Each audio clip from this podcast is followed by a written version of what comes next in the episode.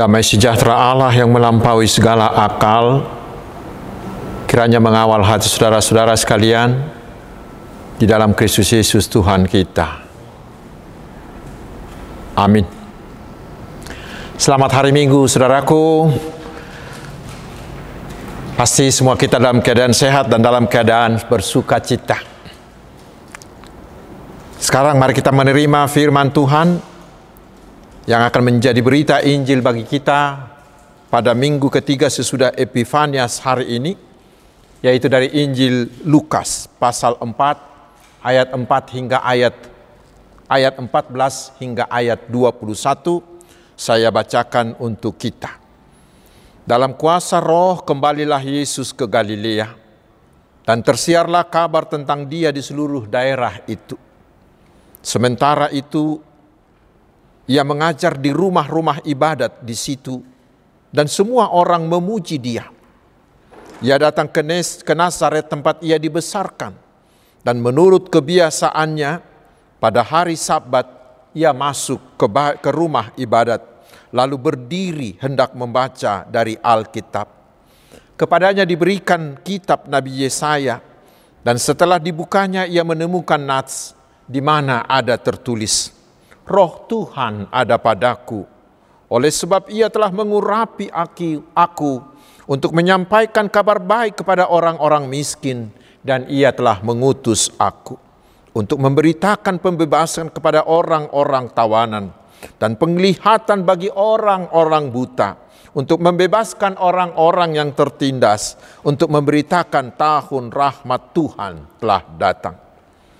Kemudian ia menutup kitab itu, memberikannya kembali kepada pejabat, lalu duduk.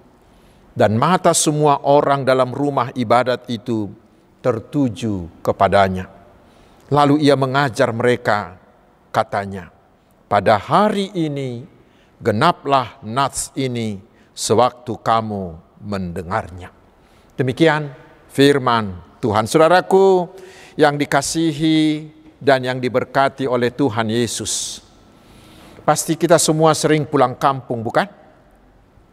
Pulang kampung mungkin karena pesta atau hanya sekedar melepas rindu.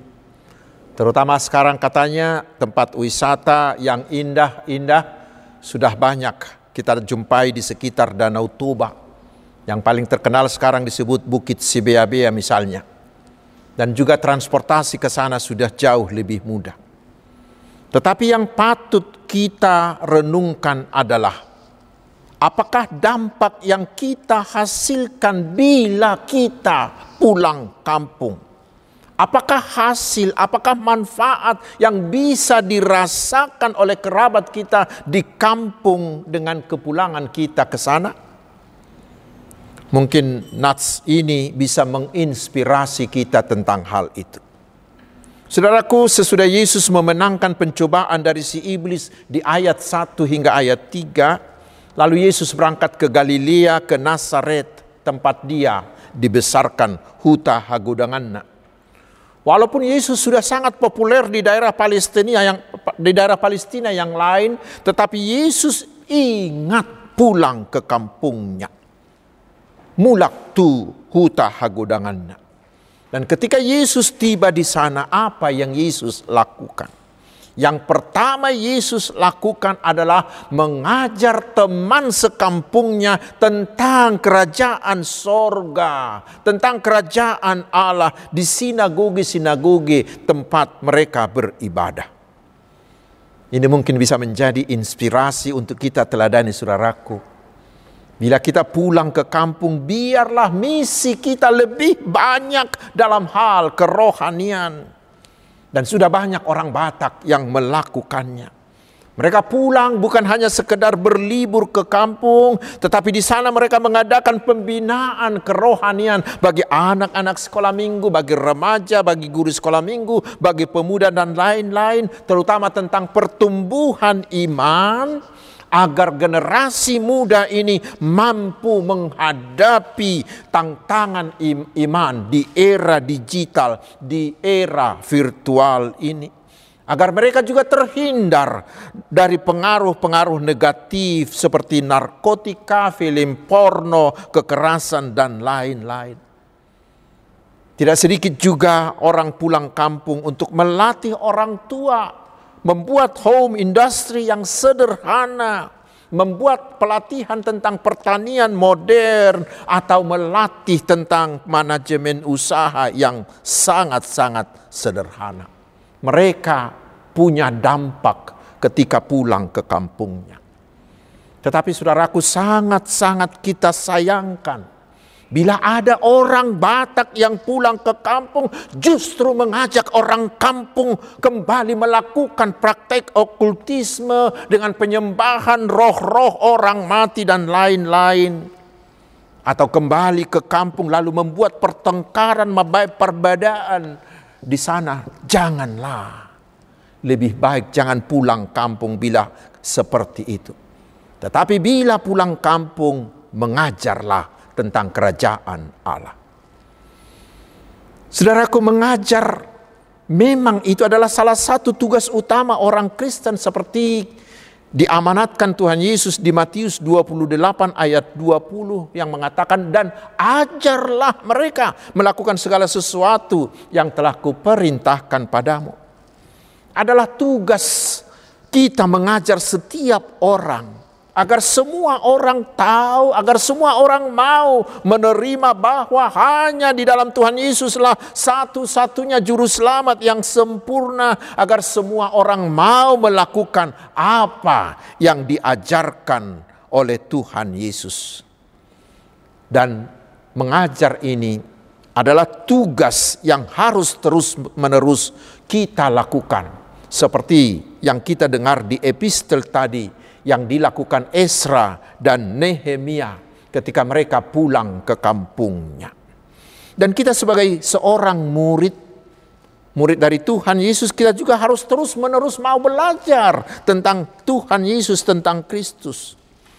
Saudaraku, bila kita mau memberi perhatian penuh akan tugas mengajar ini dalam arti yang seluas-luasnya, maka HKBP, maka gereja kita pasti bisa menjadi berkat bagi bangsa ini. Karena dengan pengajaran tersebut, budi pekerti dari anak-anak kita akan terus semakin baik. Tetapi inilah pergumulan kita sekarang ini Ternyata masih banyak orang tua yang tidak mau menyuruh anak-anaknya ke sekolah minggu. Atau yang tidak mau menyuruh anak-anaknya untuk belajar sidik. Padahal ketika kita membawa anak-anak itu ke, pembaptisan kudus. Kita sebagai orang tua berjanji bahwa kita akan mau mengajar dan menyuruh mereka belajar tentang firman Tuhan. Saudaraku, mari kita coba renungkan itu masing-masing di hati kita. Lalu kemudian ketika Yesus memasuki sinagogi, seperti kebiasaan mereka selalu meminta salah seorang dari yang hadir untuk menerangkan firman Tuhan. Maka Yesus berdiri dan membaca firman Tuhan yang tertulis di Yesaya 61 yaitu nubuatan tentang kedatangan Mesias sang juru selamat. Dan selanjutnya ini yang terpenting. Yesus duduk. Lalu semua mata yang hadir di sana tertuju kepada Yesus.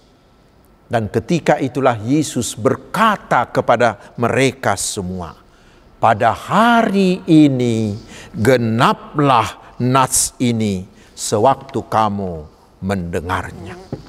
Saudaraku dengan perkataan ini Yesus memproklamirkan bahwa sejak hari itu Tuhan sudah memulai zaman mesianis yaitu masa di mana Tuhan akan merealisasikan semua janji keselamatan yang sudah dinubuatkan, yang sudah dijanjikan Allah sejak dahulu. Dan sang juru selamat Mesias yang dijanjikan itu sudah hadir di antara mereka, yaitu Tuhan Yesus sendiri. Dan dialah juru selamat dunia satu-satunya. Dengan perkataan tersebut Yesus berepifanias. Yesus menyatakan dirinya dan menyatakan misinya mengapa dia datang ke dunia sebagai manusia. Dan itu jugalah tugas yang ditugaskan Yesus bagi kita, orang-orang yang sudah percaya kepada Tuhan Yesus. Manakah tugas, manakah misi itu? Mari kita coba simak ayat lanjutannya. Yang pertama, di ayat 18 dikatakan bahwa tugas Mesias itu adalah untuk menyampaikan kabar baik bagi orang-orang miskin. Pertanyaannya, Siapa orang miskin yang dimaksud di sini? Yang pertama, mereka adalah yang miskin secara material, yaitu rakyat jelata yang menjadi korban penindasan dari orang-orang kaya dan dari penguasa-penguasa. Kepada mereka inilah Injil kabar baik itu harus diberitakan untuk menguatkan iman percaya mereka dan membuat usaha. Jadi bukan hanya mengabarkan. Tetapi kita harus turut berperan membuat usaha untuk mensejahterakan mereka. Karena itulah gereja selalu diingatkan. Di mana sebuah gereja berdiri, seharusnya kemiskinan di masyarakat sekitarnya haruslah semakin berkurang. Itu harus turut menjadi program huria. Dengan cara itulah kita bisa menjadi berkat bagi semua. Tetapi ada orang miskin yang dimaksud lagi, yaitu mereka yang miskin secara rohani. Mereka yang yang jauh dari Tuhan, yang masih terikat dengan dunia, yang masih terikat dengan kegelapan. Kita harus membawa Injil kabar baik kepada mereka agar mereka semua mau menerima Tuhan Yesus menjadi juru selamatnya sehingga mereka menjadi selamat dan mereka menjadi kaya di dalam iman. Itu yang pertama. Lalu selanjutnya, tugas yang kedua dari Mesias itu disebut di ayat 19 yaitu untuk memberitakan pembebasan kepada orang-orang tawanan dan penglihatan bagi orang-orang buta untuk membebaskan orang-orang yang tertindas untuk memberitakan tahun rahmat Tuhan telah datang. Bila kita membaca Imamat 25, ini disebut sebagai Yobel. Di tahun Yobel, setiap orang yang berhutang, setiap orang yang tertawan, setiap orang yang menjadi budak karena hutang, semuanya dihapuskan dan dibebaskan menjadi manusia merdeka. Dan semua harta yang tergadai kepada sesamanya harus dikembalikan. Itulah yang dilakukan oleh Tuhan Yesus, bahkan lebih jauh lagi dari itu. Karena Tuhan Yesus melepaskan semua manusia yang tertawan oleh kuasa dosa. Setelah Tuhan Yesus menjadi manusia, dia mau memberikan nyawanya sendiri menjadi tebusan atas hutang-hutang dosa manusia.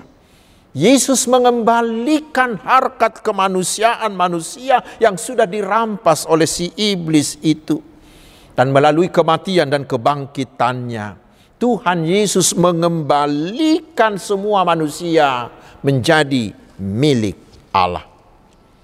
Di dalam Tuhan Yesus bagi dunia telah tersedia keselamatan sempurna. Barang siapa yang mau menerima dia menjadi Tuhan dan juru selamatnya, pasti dia diselamatkan. Pasti dia dibebaskan dari genggaman si iblis, dari hukuman dosa, pasti dosa-dosanya sudah diampuni, pasti dia akan menerima hidup kekal secara gratis. Karena itulah mari saudaraku, semua kita mari menerima dia. Tetapi saudaraku itulah kemudian menjadi tugas kita menjadi tugas dari setiap orang yang sudah menerima Tuhan Yesus yang percaya kepadanya, yaitu memberitakan kabar baik itu kepada semua orang yang belum mengenal Tuhan Yesus, agar mereka mau menerima, sehingga mereka juga menjadi selamat. Dan misi yang ketiga, saudaraku, yaitu melakukan pemulihan bagi orang-orang buta, bagi orang-orang yang tertindas. Kita tahu bahwa penglihatan adalah sesuatu yang sangat-sangat kita perlukan. Karena bila penglihatan ini rusak, maka semuanya menjadi gelap, bukan? Di Matius 6 ayat 22 Tuhan Yesus mengatakan, Mata adalah pelita tubuh. Jika matamu baik, teranglah seluruh tubuhmu. Tetapi sebaliknya, bila penglihatan kita rusak, maka kita bisa menjadi celaka. Dan di zaman Tuhan Yesus, kerusakan mata, sakit mata itu dipercayai sebagai akibat dari perbuatan si iblis. Sakit mata itu adalah karena kuasa iblis. Walaupun memang di keluaran 23 ayat 8 dikatakan bahwa suap membuat mata orang membuat mata menjadi buta dari orang-orang yang melihat. Karena itulah orang buta itu selalu dikucilkan dari pergaulan dari masyarakat karena dianggap sangat-sangat hina. Itulah di zaman Tuhan Yesus. Demikian juga dengan orang-orang yang tertindas. Ketika itu mereka dijajah oleh bangsa lain. Dan di antara mereka sendiri sering terjadi penindasan sesama mereka. Orang yang kaya menindas orang yang miskin. Orang yang miskin itu sering kalah di pengadilan karena hakimnya disuap milik para janda, milik para yatim piatu sering dirampas oleh mereka orang-orang kuat karena orang-orang miskin itu tidak punya pembela.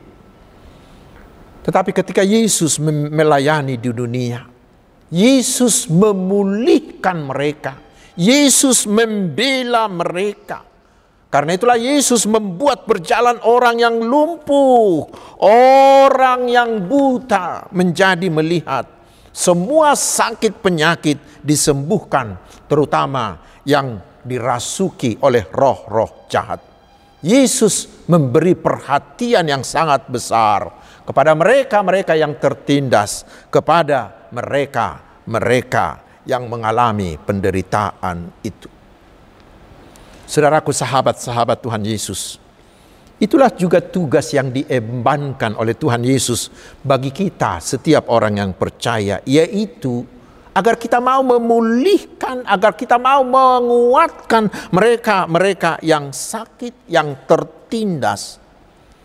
Misalkan dengan melakukan pengobatan gratis, membuka klinik huria, mendidik warga jemaat dan masyarakat tentang kesehatan, membantu biaya pengobatan mereka dan lain-lain.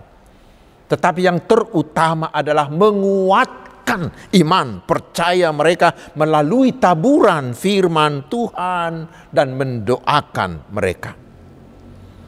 Kita juga sebagai orang percaya harus aktif membela mereka yang mengalami penindasan dalam hak ajasi, dalam ekonomi, dan juga mengalami penindasan secara hukum. Yang bisa kita lakukan misalnya dengan memperjuangkan hak-hak mereka.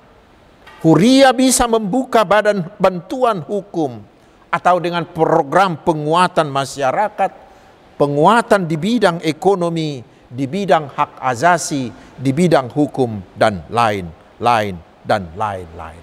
Saudaraku, kita harus mau menjadi tangan Tuhan Yesus untuk melakukan semuanya itu di tempat dan di masa kita sekarang ini.